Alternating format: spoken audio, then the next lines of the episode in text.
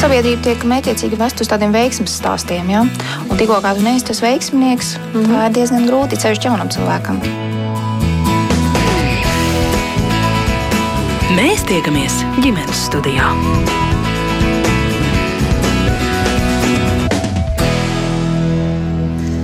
Labdien, raidījums ģimenes studijas sāk savu skanējumu. Jūsu sveicinātā producente Sarmīta Kolāta, mans vārds ir Agnese Linka. Februārī un martā noteiktām klašu grupām visās Latvijas skolās norita diagnosticējošie darbi. Kas tad tie īsti ir, kāpēc tādi nepieciešami, kā tie tiek organizēti un kas par tiem būtu jāzina vai jāsaprot skolēniem un vecākiem?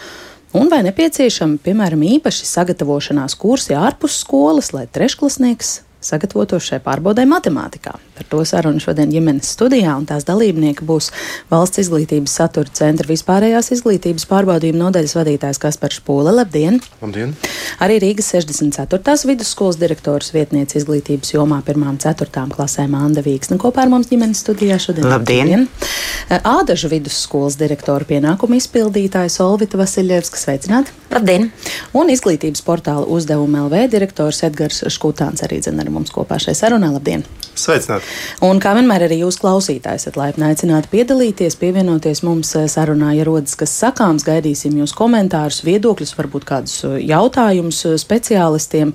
Tad, ja tādi rodas, droši rakstiet ģimenes studijā no Latvijas radio mājaslapas, jo sevišķi, ja, piemēram, jūsu ģimenē ir trešās vai sestās klases skolēni, pastāstiet, kā tad norit lietas jūsu mājās, kāda ir viņu attieksme pret šiem diagnostiskajiem darbiem un kādi jūsu vērojumi.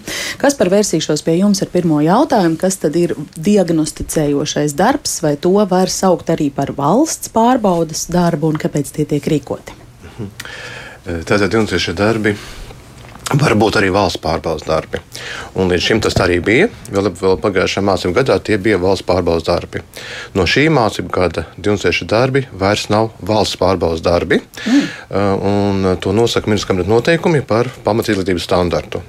Jo šobrīd valsts noteica, ka obligāti Ja mēs tā saprotam, tas ir valsts pārbaudas darbs, ir jākārto tikai 9. klases uh, beigšanas eksāmeni.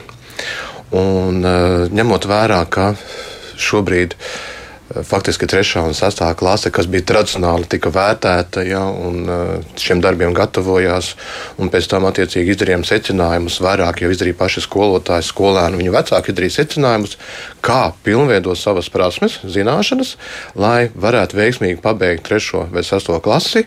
Un tas lielākais mērķis bija, lai viņi veiksmīgi varētu uzsākt ceturto klasi. Jo būtībā šajos 26 darbos mēs esam centušies ielikt tos pamat jautājumus. Uh, skatoties no, no standarta viedokļa, ja, kuri skolēni tiešām būtu jāprot, uh, pamat uzdevums, kuri skolēni būtu tiešām jāprot izdarīt.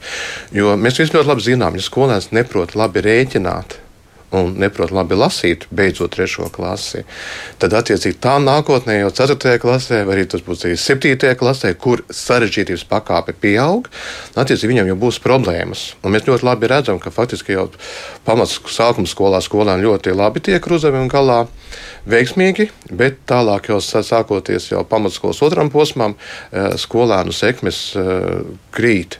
Un te varētu teikt, tas iemesls tas, ka teiksim, viņi šīs te ir kaut kādas astītes palikušas, kas velkas visu laiku līdzi, tie saucamie robi.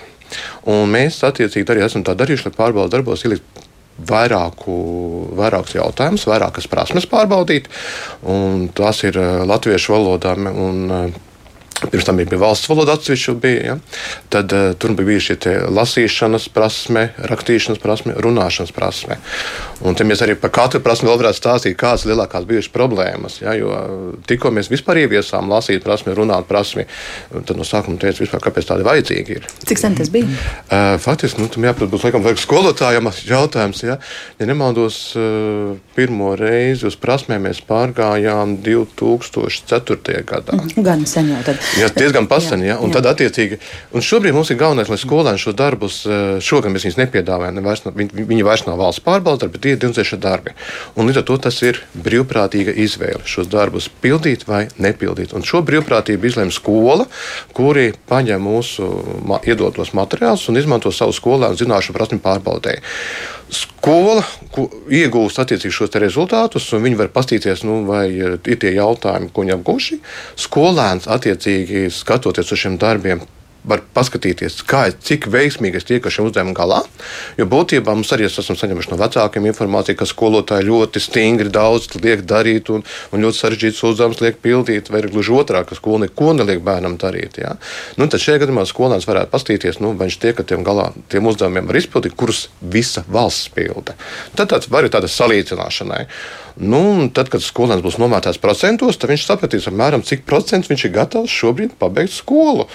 Un līdz šim mēs daudz stāstījām arī to, ka, ja skolēns iegūs 50% šajā darbā, Tas nozīmē, ka skolēnam ir problēmas ar mācīšanos.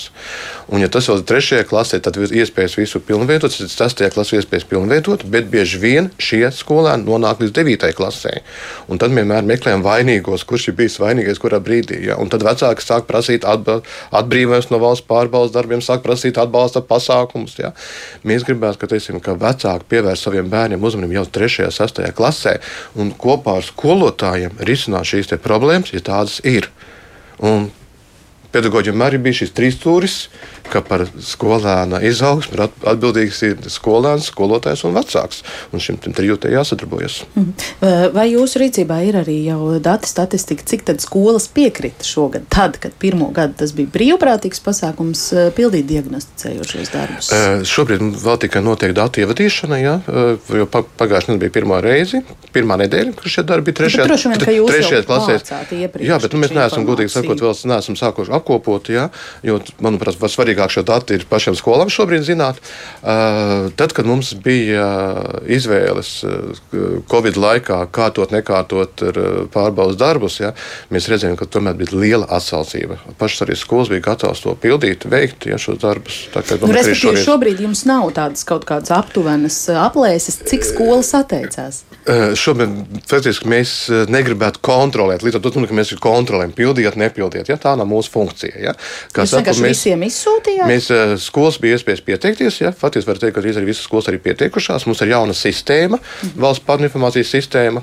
Un uh, var gadīties, ka kāda skola šajā sistēmā nav pieteikusies. Ja? Jo faktiski ir uh, īpaši tās sākuma skolas skolotāji, kuri varbūt par šo sistēmu vēl līdz galam nebija izpratuši, kā tas ir jāizdara. Ja?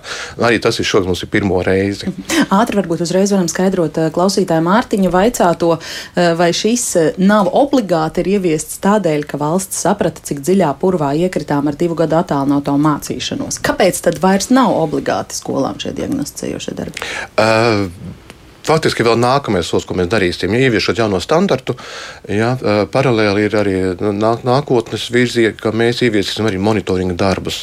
Un tādā monitoringa darbi ir domāta tāda nolūka, ka mēs sekosim līdz skolēnam no pirmsskolas līdz pamatskolas beigām, ja, un ik pa brīdim skolām tiks piedāvāt, skolēniem tiks piedāvāt uh, cita veida pārbaudas darbi, proti tā būs rēķinātpratība, tekspratība un attiecīgi vēl kāds aktuālās tēmas jautājumu lokus, ko mēs arī uh, ieviesīsim. Ja. Uh, bija paredzēts, ka šogad, diemžēl, tas neizdevās šī Covid iemesla dēļ tieši to izdarīt, bet uh, tā ir nākotne, kurā mēs gribētu redzēt, jā, un arī šī sistēma jaunā, kas ir valsts padomjas sistēma, jā, kurā varēs sekot līdzi katra skolā izaugsmē. Mm -hmm. Bet tie, tie monitoringa darbi arī būs 3. un 6. klasē vai visās klasēs? Uh, tur ir tāds ir pirmskolas pēdējais gads, jā, Un šobrīd mēs arī vēršam vairāk uzmanību 3. un 6. klasē, mm. jo tur ir tas standarta posms, ir, kur var pārbaudīt. Mm -hmm. Skolām došu vārdu. Anda, kā jūs varbūt no savas pozīcijas saredzat nu, šo? No savas pozīcijas obligāti nu, es no savas pozīcijas droši vien saredzu tā, ka pirmkārt ir ļoti būtiski vecākiem skaidrot, ko tas nozīmē valsts pārbaudes, diagnosticējošais darbs. Jo tā tajās cilvēks smadzenēs ir iekārtots, un droši vien vecāki, jo īpaši, ja tas ir pārbaudas darbs, tas ir izšķiroši, ja tas ir diagnosticējošs darbs, tad mums ir jau lielāka neizpratne par šo jēdzienu. Eh, tas ir arī iemesls, kādēļ mēs tiešām skaidrojam, ka tas ir veids, kā dodoties pie ārsta, diagnosticēt problēmu, lai to ārstētu. Tieši tāpat arī veicot un rakstot un piedaloties arī mūsu skolas izvēle, tad bija noteikti piedalīties šajā diagnosticējošā darbā. Mēs gribam izvērtēt, vai mēs esam uz pareizā ceļa, vai skolotājs strādā ar pareizajām metodēm, vai mēs atbilstam visam valsts noteiktā standarta prasībām, ja tad vai mūsu bērni nu, tiek galā ar šiem uzdevumiem. Un, uh, tomēr vēlreiz pasvītrošu, pirmais ir šis skaidrojošais darbs. Tas ir ļoti, ļoti svarīgi, jo ir vecāki, kuri šīs nedēļas ietveros man ir zvanījuši no citām skolām un jautājuši, kā tur Andi ir, tu man pasaki, tā sestās klases diagnosticējošā darba atzīme, ja iespaidos devītās klases gala rezultātu, ja, tad, tad tā, tas parāda, ka ir ļoti dziļa neizpratne, ja, tad, tad nav mm. bijis šis izskaidrojums un nav bijis šis skaidrojušais darbs. Vēl tikai papildināšu to, ka uh, šī ir konkrēta iespēja piedalīties uh, tad, tad valstiski noteiktā tomēr programmā, es to sauktu tā. Bet tajā brīdī, kad bija šis Covid periods, un, un arī bija tie gan bija obligāti diagnosticējošie darbi, pateikšu godīgi, ka to jēgu simtprocentīgi es nesaskatīju, jo uh, mammas tēti bija gatavi stāties pie ieročiem. un eh, rezultāti bija fantastiski. Jā, fantastiski rezultāti. Mēs varējām priecāties, cik ārkārtīgi zinoši ir mūsu trešo, sesto klašu skolēni. Es uzskatu, ka šī un viņu vecāki neapšaubām. Es uzskatu, ka šie um, rezultāti nebija korekti un uh, līdz ar to izvērtējums nebija adekvāts. Jā. Bet mēs veicām arī savā skolā visos mācību priekšmetos šo diagnostiku pēc Covid perioda, pēc šī māju apmācības perioda. Uh, tieši ar šo pašu mērķi - saprast, kur ir robi, kas mums jādara, lai dabūtu bērnus uz ceļa un vecākos sirdsmieru. Mm -hmm. nu jā, kas bija tas pagājis par tiem uh, ieroču nesējiem, tas tā uh, tiešām smieklīgi nedaudz. Bet tagad, kad tas vairs nav pienākums, bet iespēja piedalīties diagnosticējošos darbos, kā, kā Kaspars skaidroja, tā, tie vairs nav obligāti, tie vairs nav valsts pārbaudas darbi. Jūs tomēr uzskatāt vērtīgi? Mēs uzskatām, ka tie ir vērtīgi, mm -hmm. un mēs arī esam vismaz savā skolā sapratuši vienu viena no lielākajām problēmām, kas, eh, manuprāt, nu, atspoguļo rezultātus visos mācību priekšmetos. Tā ir lasīt prasmes. Mm, nu, tāda liela problēma. Uh, jo viss sākas ar to, ka skolēni neprot izlasīt uzdevumu noteikumus, un rezultāti pēc tam apliecina, ka viņš var rēķināt, ko grib, jo viņš nav izdarījis to, kas no viņa ir prasīts. Mm. Tad, tad lasīt prasmes. Problēma ir viena no svarīgākajām, un es uzskatu, ka ne tikai sākuma skolā, bet visās vecuma grupās skolā. Un kā saviem skolēniem eh, īsi vēl skaidrojāt, kas tas ir, nu, piemēram, trešklasnieciņiem? Eh, to, ka tas ir, nu, kā mēs arī tā runājām, ka tas ir darbs, kurā jūs rādāt un demonstrēt savas zināšanas. Nav jābaidās kaut ko nezināt, nav jābaidās kļūdīties, un tas nav pārbaudas darbs, kontrols darbs. Nu, sauciet to, kā gribat, ja, bet jūs saņemsiet šo vērtējumu neapšaubām procentos.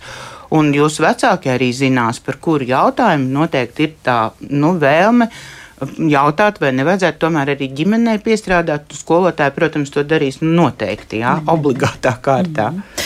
Salvit, kā jūs to saredzat un kā skaidrojāt eh, jā, saviem es, skolēniem, vecākiem? Jā, es pilnīgi varu piekrist eh, kolēģiem, ko saka. Ādažu vidusskolai arī vispār pat nebija diskusija par to izvēlēties vai neizvēlēties. Mēs viennozīmīgi bijām par. Tieši tā paša iemesla dēļ, ko kolēģi uzskatīja, tas ir ļoti labs uh, instruments, mēra instruments gan skolotājiem, uh, gan pašiem skolēniem. Jo bieži vien tieši mēs strādājam un ieejam tādā rutīnā. Un tad, kad mēs saņemam šo diagnosticējošo darbu, kur ir veidojuši citi, ne mūsu pašu skolotāju rokraksts, pie kura bērni ir mhm. pieraduši, mm. tad ļoti labi izkristalizējas tās lietas, kur nu, tie saucamie robi. Un pilnīgi varu varu piekrist arī šim te, šim te novērojumam arī pēc pagājušās nedēļas diagnosticējošā darba, ko rakstīja Ādaža vidusskolā trešā klasa latviešu valodā. Tiešām trūkst izpratne un trūkst tā prasme strādāt ar tekstu ar tekstu, gan dabas zinībās, ko rakstīja mums arī sestās klases skolēni. Jā, nu, lūk, un kā mēs vecāki mums uztver pavisam mierīgi, jo arī es esmu trešās klases skolnieka māma, kurš arī pagājušo nedēļu rakstīja, un viss ir atkarīgs no klašu audzinātājiem, kā viņi strādā ar saviem skolēniem, kā viņi viņus noskaņo un kā noskaņo arī vecākus. Bet par ko vecāki ļoti priecājās, to es zinu par to, ka šis procentuālais vērtējums neietekmēs vērtējumu uz liecību. Tas gan ir tas pozitīvais. Jo trešā varbūt... klasē tā liecība mums ir ļoti svarīga. jā, tieši, tieši tā.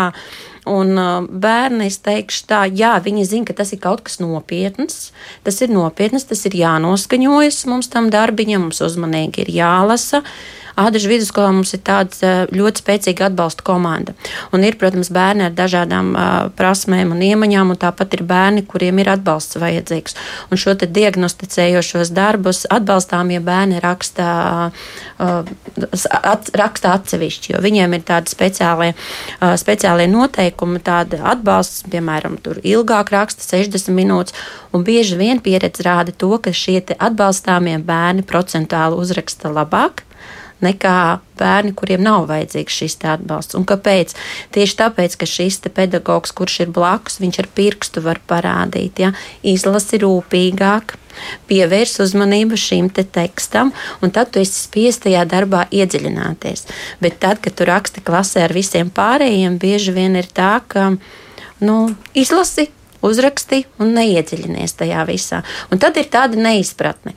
Protams, šos rādītājus mēs pēc tam nekur nepublicējam un nav pieejami citiem vecākiem, bet, protams, chatiņos, WhatsApp grupās notiek salīdzināšana. Tad vecākiem Aha. ir jautājums. Nu jā, tur tas tāds bērniņš X vai Y, viņš taču mums iet uz atbalstu, kāpēc viņš ir uzrakstījis labāk nekā mans bērns, kurš vienmēr ir bijis augšgalā. Un tad ir tas, tas skaidrojošais, ar ko mēs biežāk saskaramies. Mm. Interesanti, ka abas skolu pārstāvis pieminēja tieši lasīt prasmi, nu, kas varētu būt saistīta vairāk ar uh, latviešu valodas uh, apguvi un to, kas ir latviešu valodas stundās darīts. Es gribu iesaistīt arī uzdevumu LV pārstāvi uh, sarunā, jo uzdevumu LV janvārī izsūtīja saviem lietotājiem tādu piedāvājumu, ja meklējat veidu, kā palīdzēt savam bērnam nostiprināt zināšanas matemātikā, apgūt neskaidrās mācību tēmas un sagatavoties valsts diagnosticējošam darbam matemātikā mums ir risinājums, jauns projekts, uh, online ekspress kurs matemātika trešai klasē, 18 online video nodarbības, lai kopā ar pieredzējušu sākuma skolas skolotāju bērns apgūtu, atkārtotu un nostiprinātu 14 mācību tēmas, un tad tur ir tālāk nu, par to, kas tad tajā programmā ir uh, iekļauts, uh, kāpēc jūs izveidojāt šādu piedāvājumu, ja bija piedāvājums, tad droši vien arī indikācijas, ka būs pieprasījums. Um, sākšu ar to, ka uzdevuma vai misija ir uzlabot skolēnu zināšanas, nesekmes, zināšanas. Tā ir jāzina. Un, uh, mums uh, ir portālā uzdevumā vērtējums saturs no 1 līdz 12 klasē, ar iepriekšējā gada valsts eksāmeni, ar dažādām generācijām, ar pareizām atbildēm, ar risinājumu soļiem, bet trūka dzīves cilvēka skaidrojums.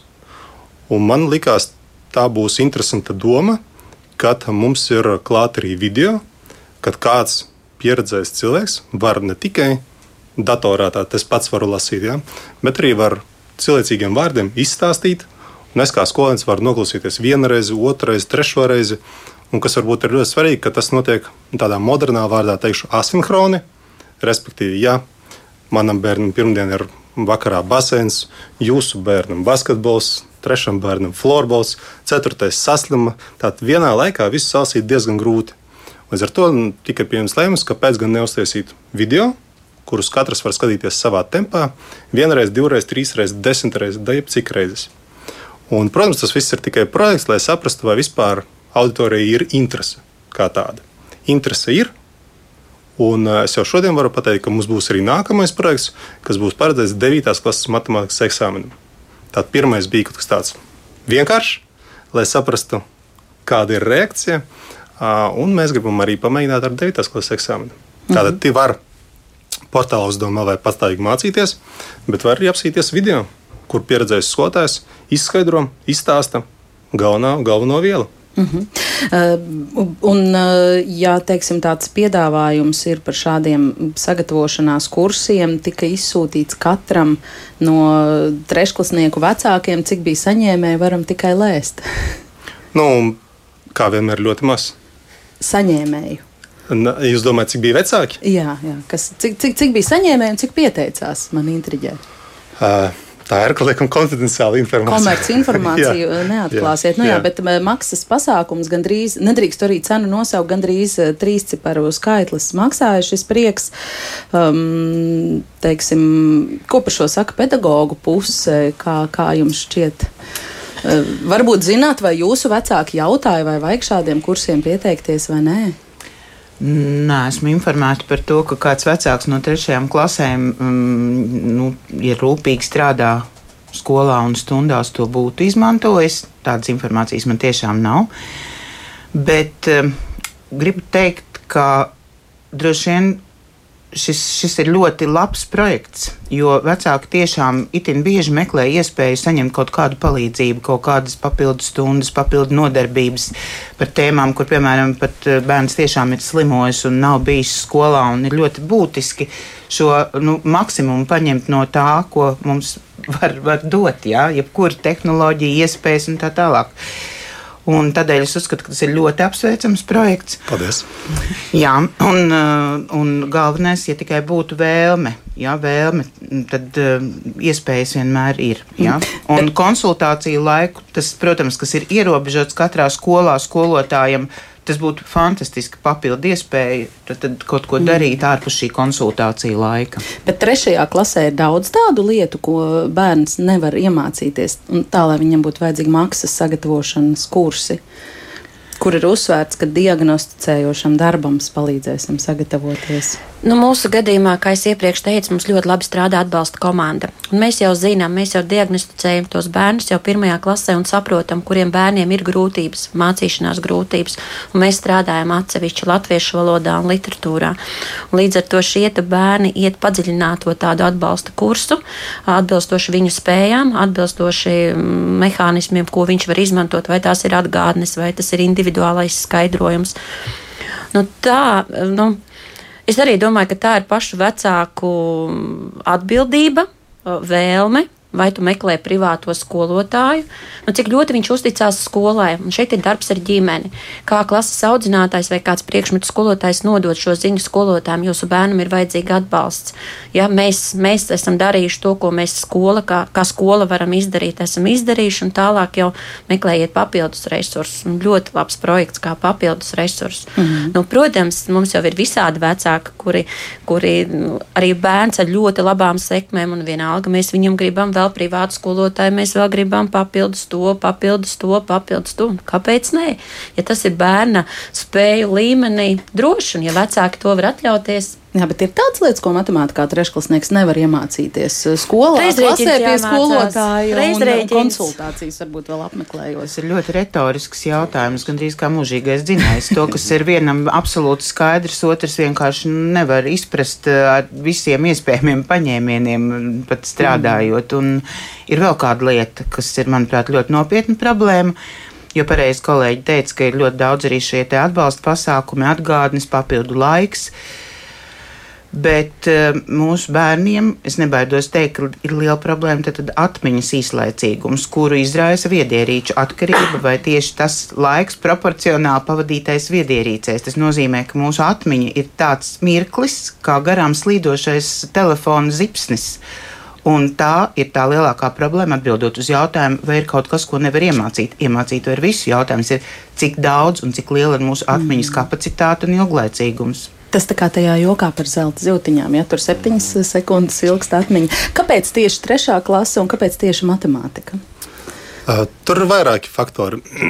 Pirmkārt, sāksim ar to, ka mums tur bija ļoti labs skolotājs, kas to var visu izveidot un novadīt, jo priekš visām iesaistītām pusēm tas bija kaut kas jauns. Priekš mums, kā priekš uzņēmuma, priekš skolotāja, kā pasniedzēja, kas runās pēkšņi video, jā, gan arī priekš pašiem vecākiem, gan priekš pašiem skolotājiem. Un matemātika Tāpēc, ka to ir visvienkāršāk parādīt datorrakstā. Ja latviešu valodā tiešām ir daudz jāstrādā ar tekstiem, un tas būtu grūtāk. Mm. Uh, jā, tā kā trešā klase matemātika likās pilnīgi ok. Gribēju mazliet uh, pakomentēt uh, jūsu komentāru par to, ka gandrīz trīs cipru skaitlis, tā nav konfidenciāla informācija, pieejama visiem 99 eiro maksā kurs. Un, uh, kāpēc tā? Tāpēc, ka tur ir 18 nodarbības. Iedomāsimies, ka tās ir 18 vizītes pie privāta skolotāja, un tas galīgi nemaksā vairs 99 mm. eiro. Bet un, tās ir ierakstītas nodarbības, protams, tās nav online protams, nodarbības, protams. kurās bēniem ir interakcija. Tas jā, ir jā. tā kā YouTube noskatīties. Protams, mēs video. arī sūtām vecākiem atskaites, kā iet, kā neiet, kas sanāca, kas nesnāca, cik reizes mēģināja. Notiek individuāls darbs ar vecākiem. Un kas ir interesanti, ka vislielākais piepildījums no klientu ziņas bija tieši pēc diagnosticējušiem darbiem. Aha, nu ļoti žēl, ka jūs neatklājat mums komerci informāciju, cik tad jums bija uh, piekritēji šiem kursiem, bet pirmo gadu tāds rīkojāt, jā? Jā. jā. Uh -huh. Un plānā ir uh, arī devītās klases šādi. Tā, teikšu tā, teikšu tā nu, no uzdevuma LV puses nav, nav sarežģīti uztaisīt kaut ko superīgu.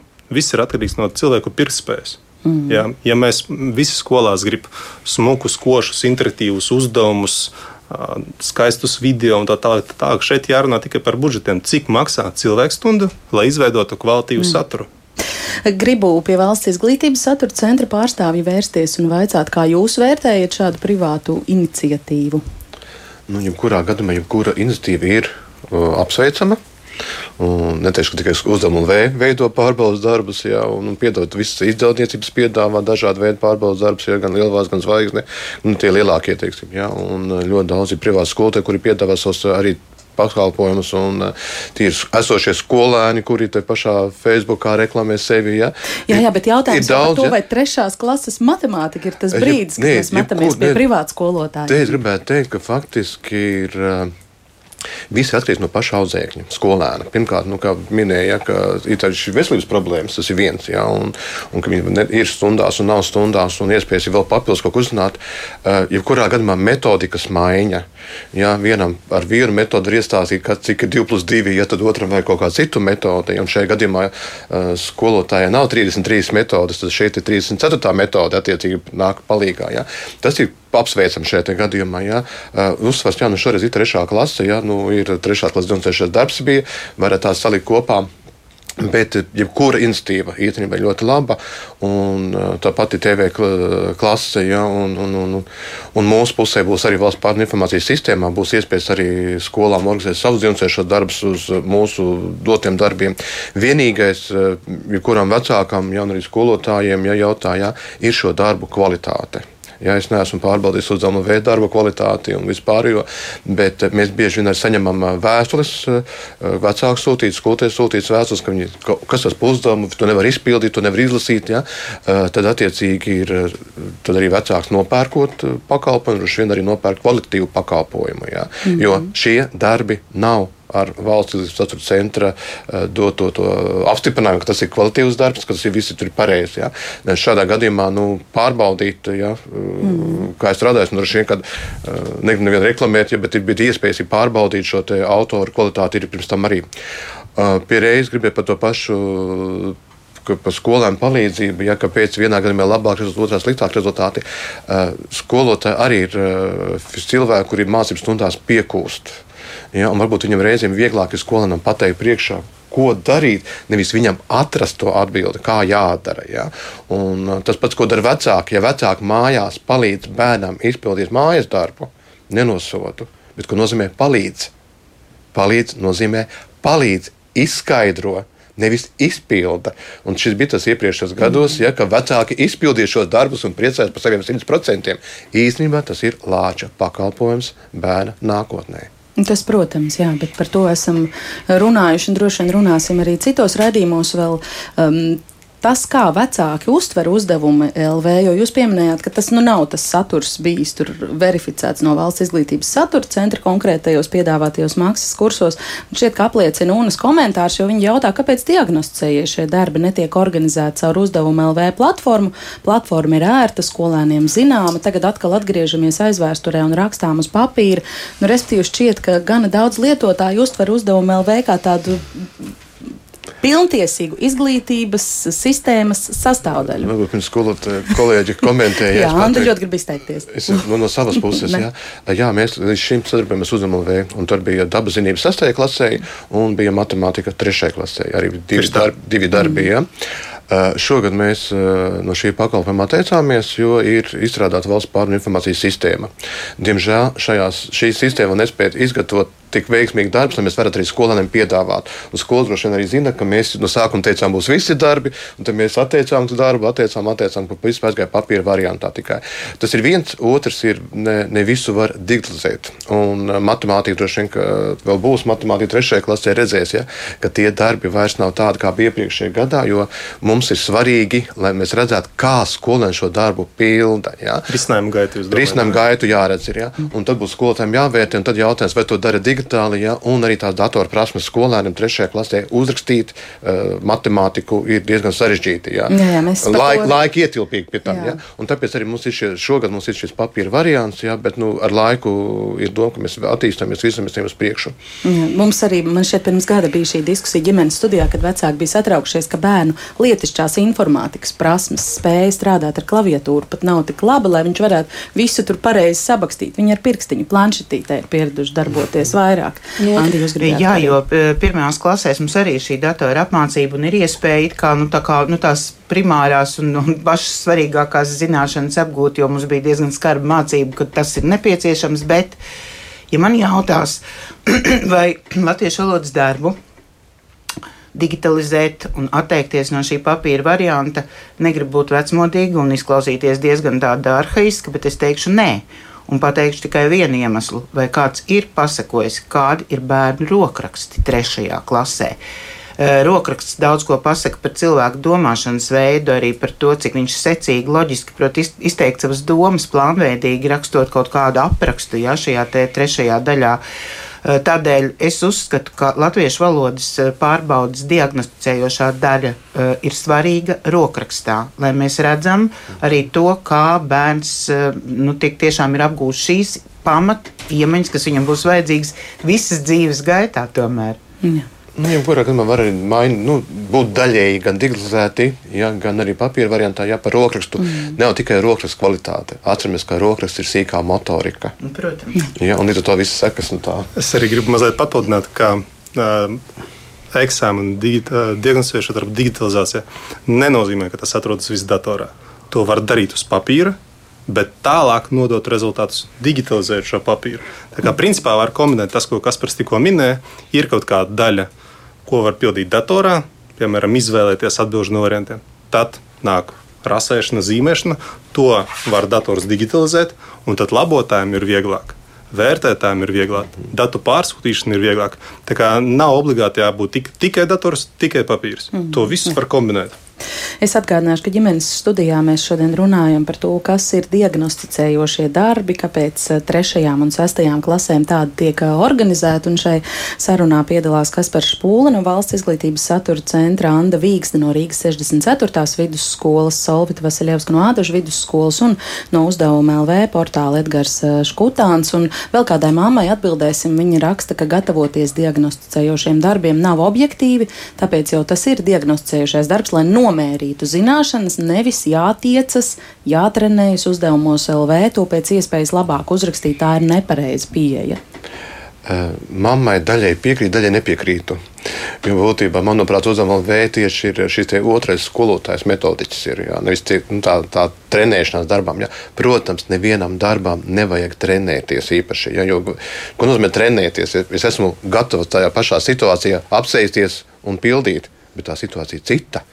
Un tikko būs uzdevums citādāk formulēts, un mēs arī redzam, ka tā matemātikā, ja skolēnam ir uh, tekstu uzdevums, tiek uzrakstīts ar, ar, ar skaitļiem, skolēnam uzdevums izpildīt krietni labāk nekā šis pats teksta uzdevums un skaitļi rakstīts ar vārdiem. Mm. Mēs esam. Tāpēc mēs šos uzdevumus piedāvājam arī metodisku skolotājiem, ja? lai skolotāji varētu pasakot līdzi gadu no gada, kā viens tas pats jautājums tiek pārbaudīts. Ja, ja mums bija tā klasiska, nu, latviešu valoda ierakstiet A burtu, un pēkšņi ir A jāieraksta. Tas pats likums. Bet pilnīgi cita situācija. Un bērni ļoti ātri pierod pie vienas metodikas, pie viena uzdevuma veidošanas, pildīšanas. Ja?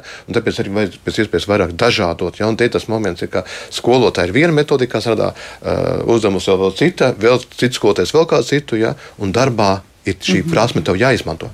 Nu, tad vēl īsi, varbūt jūs arī mājāt ar galvu. Jā, gatavoties, es, negatavoties. Es kā māma varu pateikt, uzdevuma LV ir fantastisks uh, rīks mājās trenēties.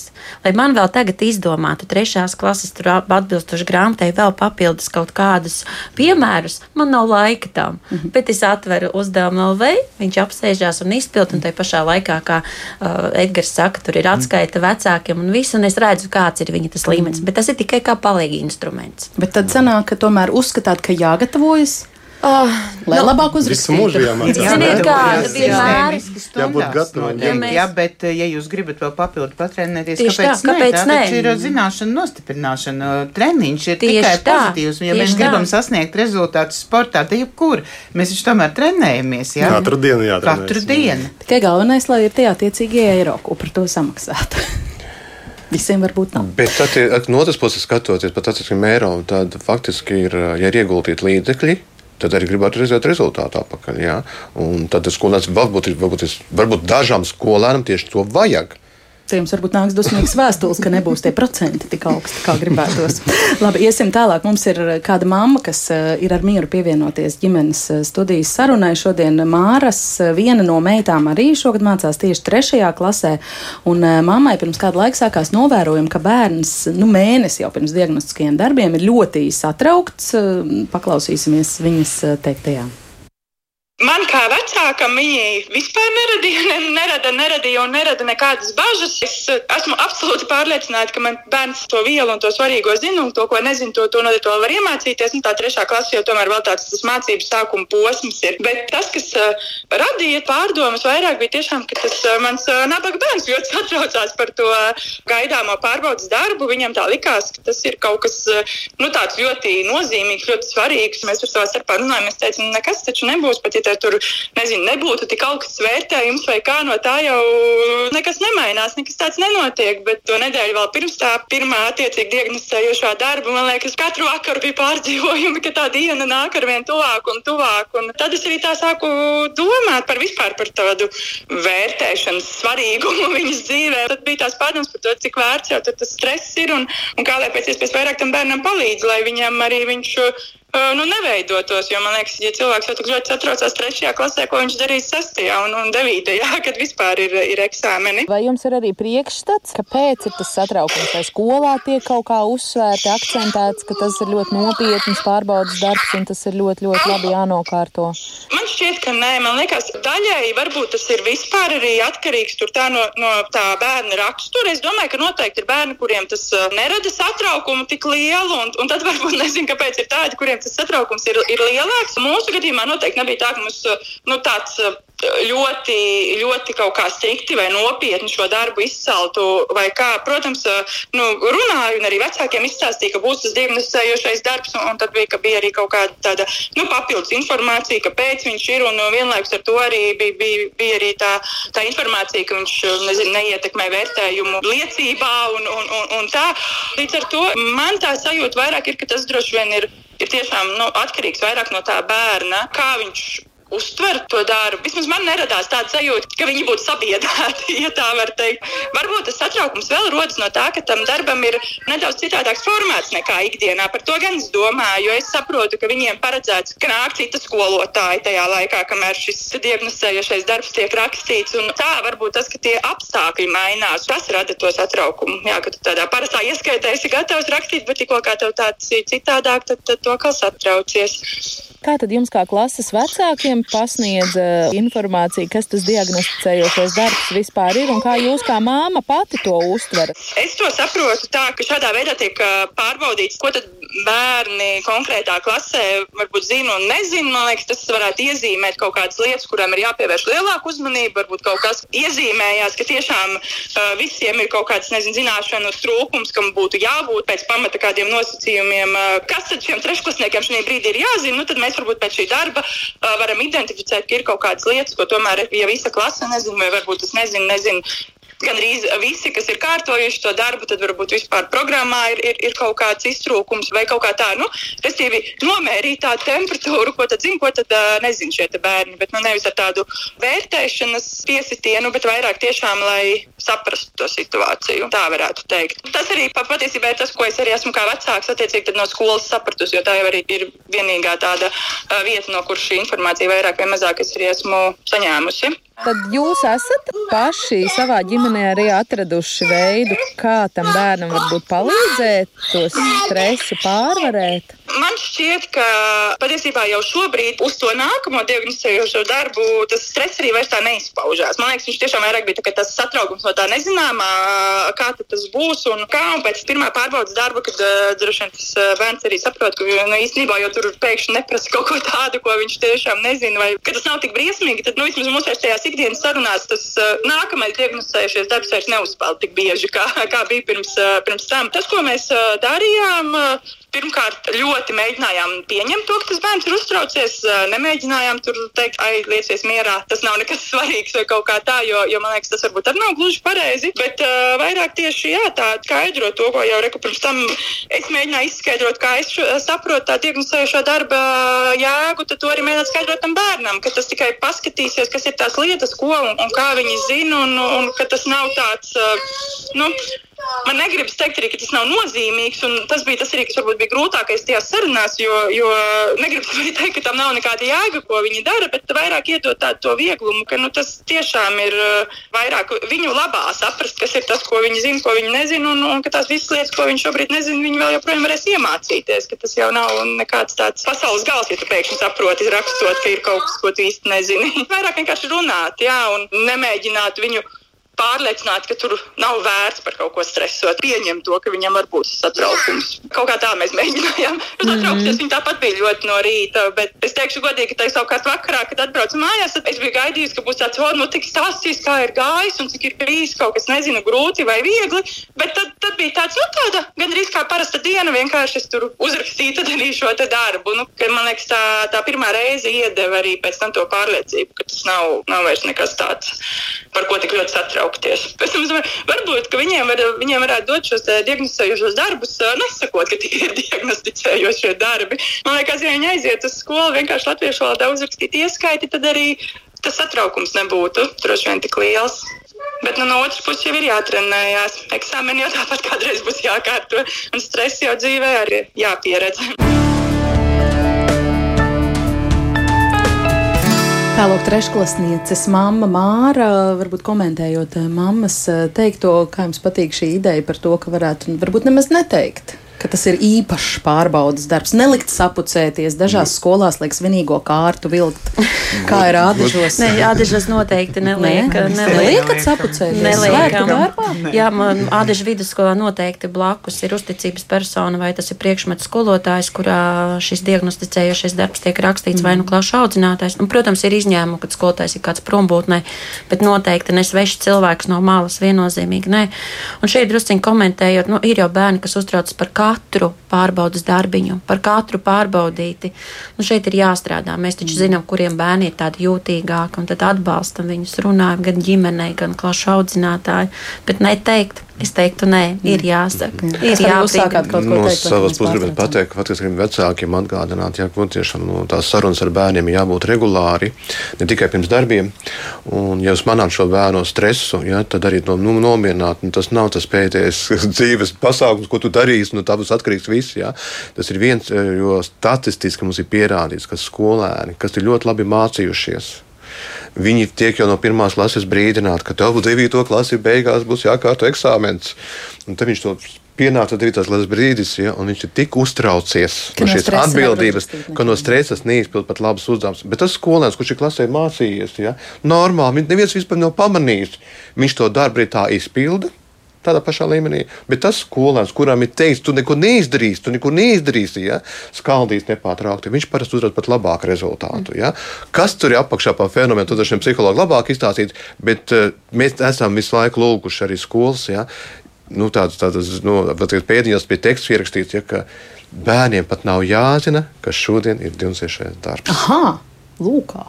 ja, šie te Baltijas galdautu svētki, prezidijas eh, motivāta daļas runā. Ja, jā, jā, jā. Ir tādi gadījumi bijuši, ja mēs esam no skolām pat zvanījuši un teikuši. Nu, Pie ārsta, kā kolēģis sākumā minēja, ja, bet jūs speciāli pirms analīzes nodošanas kaut ko darāt, sākat mazāk ēst saldumus, uzreiz vēl kaut ko, vēl kaut Protams, ko. Ja. ir Protams, cilvēki, kas pirms apkopējas nākšanas uzkopja māju arī. Es pieļauju domu, ka um, ka ļoti liela nozīme tam, kā bērns arī šo diagnosticējušo darbu atnāk ir ģimenei. Mārija jau pieminēja, ka nevar teikt, ka tas nekas nav, jā, tas arī nedara, jā, jo bērns tiešām, tad, kas man, ko tu tur satrauc, tas nekas nav. Tas, nu, norāda, ka, nu, tad, nu, varbūt arī mazina tā, tās atbildības sajūtas, kādām būtu, tomēr, nu, jāparāda tas, ko es tiešām zinu. Ne vairāk, ne mazāk tas, ko es zinu. Man nav jāuztraucas, ka es nedabūšu 100%. Ir ģimenes, kuras pieprasa. Tad mums ir diagnosticējošais darbs. Tev ir tāda latiņa, 95 un zemāk. Tad padomājiet par to bērniņu, kā viņš uh, varbūt arī eh, psihoemocionāli jūtas. Un e, man, mans vērojums ir tāds, ka nu, atmosfēra ir absolūti veselīga. Es neesmu redzējusi raudošus bērnus vai izmisušus vecākus tajā dienā staigājām gar skolu, gaidot, kad bērns nāks ārā un stāstīs, kā viņam ir veicies. Apjukums, varu pateikt godīgi savu vērojumu, ir tajā brīdī, kad viņi saņem šo darba e, teiksim, veidu, kādā formā, kādā viņi redz, ka tā vairs nav vienā, četri lapa kā, vai divas, kā tas ir pārbaudas darbā, ka varbūt skola ir izveidojusi grāmatu grāmatiņa, vai tur ir četras lapas. Viņš, eh, tas bērniņš tajā brīdī apmūs no tā apjoma vai no tās formas drīzāk, bet tad, kad viņš atkal tā nomierinās un strādā, viņa skolotājs, ko viņš zina, nevis kaut kāda pieaicināta persona X. Mūsu skolā mēs eh, praktizējam arī to, ka mēs eh, lasām paši tekstu, jo bērns ir pieredzējis pie tā, kā skolotāji to dara un kāds ir viņas balss tembrs, ritms. Ja? Līdz ar to es uzskatu, ka nu, tādam uztraukumam tiešām nav pamata, bet mēs varam tikai kopā ar ģimeni strādājot, panākt to, lai bērns ir maksimāli mierīgs un neizjūt to kā kaut kādu papildus logu. Mm. Es vēl eh, gribu izlasīt, eh, citēt kādu mm, apgalvojumu, ko es arī lasīju sociālajos tīklos, interesējoties par šo tēmu, kādā vecāku diskusijā eh, Twitter vietnē. Es lasīju versiju, un tagad es citēšu skolēnu stress par diagnostiskajiem darbiem tieši netieši tomēr rodas no skolotājiem, jo skolotājiem savukārt ir spiediens no skolas vadības, aizkulises ar statistiku, reitingiem un sniegumu koeficientiem vecāki neredz un nezina skolas vadība.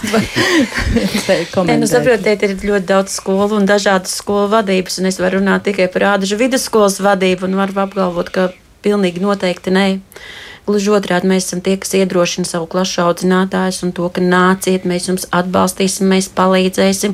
Mazums kāds sāk mm. raudāt, ja vai mazums kaut kas notiek, kas nākat šurp un runājam. Mēs... Jā, jā, bet, nu, ja jums, piemēram, šogad, kā mēs te jā. pirms mikrofona ieslēgšanas uzzinājām, ne tikai 10. pirmās, bet 10. otrās klases, nākamgad būs 10. trešās klases, tad savstarpējā uh, konkurence nenotiek, kuras klases skolotājs labāk ir šos trīs gadus samācījis savējos. Ziniet, varbūt savstarpēji, varbūt varbūt ir. Varbūt tam, tas ir sieviešu kolektīvs, un tur savu veidu konkurence vienmēr ir. Jā, bet noteikti šī neveselīgā konkurence ir jāslāpē nost. Un noteikti mēs esam tie, kas sakam, nē, mm. šis ir instruments, kur mēs varam novērtēt pašu sevi kā skolotāju. Nē, noteikti, ka nu, taisnība kolēģei ir kolēģi, kur uzreiz saka, es to esmu mācījusi, es to simtprocentīgi zinu, ka viņi to uzrakstīs.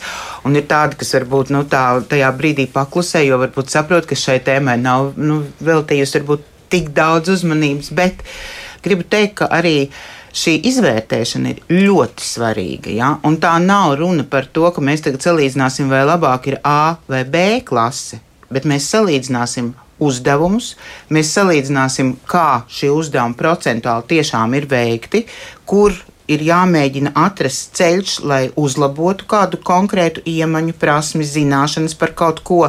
Līdz ar to, jā, mēs izvērtējam, mēs ļoti tiešām veidojam diagrammas, mēs skatāmies salīdzinoši ar iepriekšējo gadu, mēs projicējam, mēs plānojam, bet savādāk jau šis process var nebūt iekšēji. Tas ir tas, ko jūs raksturojat. Mēs to darām iekšēji, bet Protams, ka mēs pēc tam, kad parādās šie valstiskie dati, mēs, protams, ar lielu sajūsmu skatāmies vai vēdājamies vai sajūsmināmies pārsvarā nu, kādā pozīcijā mēs tiešām esam. Jā, mēs gribam redzēt un apzināties, vai tā ir tikai mūsu skolas problēma, vai varbūt tas process kaut kur nav pareizi, nu, tiešām nu, vairākās skolās Latvijā. Jā. Mm -hmm. Pie kā nonāk šie apkopotie, kā Anda teica, valstiskie dati par rezultātiem diagnostisko darbu? Kas izdara secinājumus, kas ar tiem secinājumiem tālāk notiek?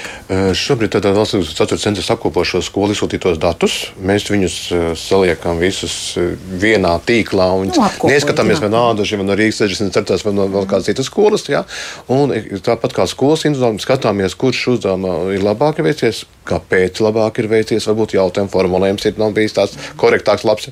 Mēs skatāmies, kuros jautājumos ir sliktāk. Tas nozīmē, ja, ka mēs arī dodam tālāk uz informāciju uh, mācību jomu koordinatoriem, pieviesiet uzmanību tam un tam.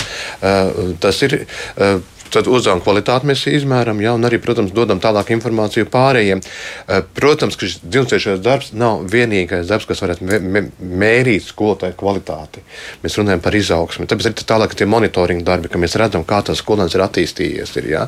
un, eh, tāpēc tiešām neredzu iemeslu kaut ko kādam ar kaut ko salīdzināt, pēc tam uzslavēt vai nopelt. Ja? Bet skolas savstarpēji redz, kā kurai skolai, kuru klašu grupā, nē, kurā darbā nē, ir nē, mēs, arī... mēs redzam tad, tad šo pozīciju situāciju konkrētā uzdevuma risināšanā valstiskā līmenī un varam to salīdzināt ar mums zināmajiem datiem par mhm. mūsu skolu. Mm. Mēs arī nevienam šī informācija ne, ne, nedodam. Arī pēc dažādiem pieprasījumiem mums ir bijis pieprasījums, ja pastāstiet, uz kuru skolu man to bērnu sūtīt.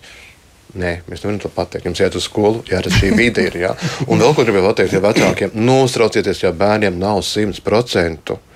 Ja, var gadīties, ka šī tēma visai klasē, visa klase nav apgūta šo tēmu. Ja, un, jebkurā gadījumā bērns var būt uztraucies un šajā, tajā brīdī pieļāva kļūdu tikai. Ja, bet īstenībā viņš šo, šo tēmu apgūta pārzina ļoti labi. Ja? Tā kā arī nav jātiecās pēc simtprocentīgajiem. Lielākā problēma, kā jau teicu, ja, ja, ja netiek pāri 50%, tad jāsāk meklēt kopīgu risinājumu. Ja, droši vien, ka jāsēž arī skolas atbalsta atbalst uh, speciālistiem, logopēdiem, psihologs, ja, un jāsāk meklēt problēmas. Ja, jo ātrāk mēs divcējam, ka ir skolā nāk kādas šīs problēmas, jo labāk. Nu, cik mums ir tādu bērnu procentuāli, kas netiek pāri 50%? Uh, procents skaits, godīgi sakot, ir uh, dažādās skolās un dažāds. Ja, un ir arī, ir, es, es varētu teikt, ka ir pamats ir arī bija uztraukties. Ja, jo ir, ja mēs gribētu, ka visi tiek pāri 50%, ja, bet mēs redzam, ka netiek visi pāri 50%. Ja. Kaut gan mūsu vidējais rādītājs ir 60, 70, pat 80% kā kurā darbā. Ja. Jā, vēl šķiet, ka varētu turpināt un turpināt, bet eh, šeit liksim punktu šai sarunai, vai nu arī daudz punktu, un teikšu paldies par piedalīšanos ģimenes eh, studijā. Šodien Valsts izglītības satura centra pārstāvēja Kaspars Špūle, Rīgas 64. vidusskola Anda Vīks, Nādaža vidusskolas Olvita Vaseļevska un izglītības portāla uzdevuma LV direktors Edgars eh, Škutāns. Paldies mm, visiem raidījumu. Šodien veidojas Armīta Kolāte, pie skaņpults Mārtiņš Paiglis, pie mikrofona Agnese Linka. Latvijā, diemžēl, mums ir viena no augstākajiem alkohola alkohola un arī narkotiku vielu lietošanas rādītājiem tieši jauniešu vidū, un aizvien biežāk mēs dzirdam, ka skolās notiek policijas reidi, tostarp ar suņiem, skolu labierīcībās, kā ziņo tikmēr bērni naski uzveipo, un par to jau arī šeit mēs esam diskutējuši vairāk kārtīgi, bet mediķi savukārt ziņo, ka Eiropā ir vērojama jauna tendence, ka elektroniskajās cigaretēs um, iepilda jaunu veidu spēcīgas sintētiskās narkotikas. Kā tad uz šo visu reaģēt izglītības iestādēm, ko darīt mums vecākiem, par to mēs diskutējam diskutēsim ģimenes studijā rīt. Kā vienmēr klausieties mūs no diviem līdz trījiem podkāstos, mobilajā lietotnē un mūsu sociālos tīklos. Uz sadzirdēšanos!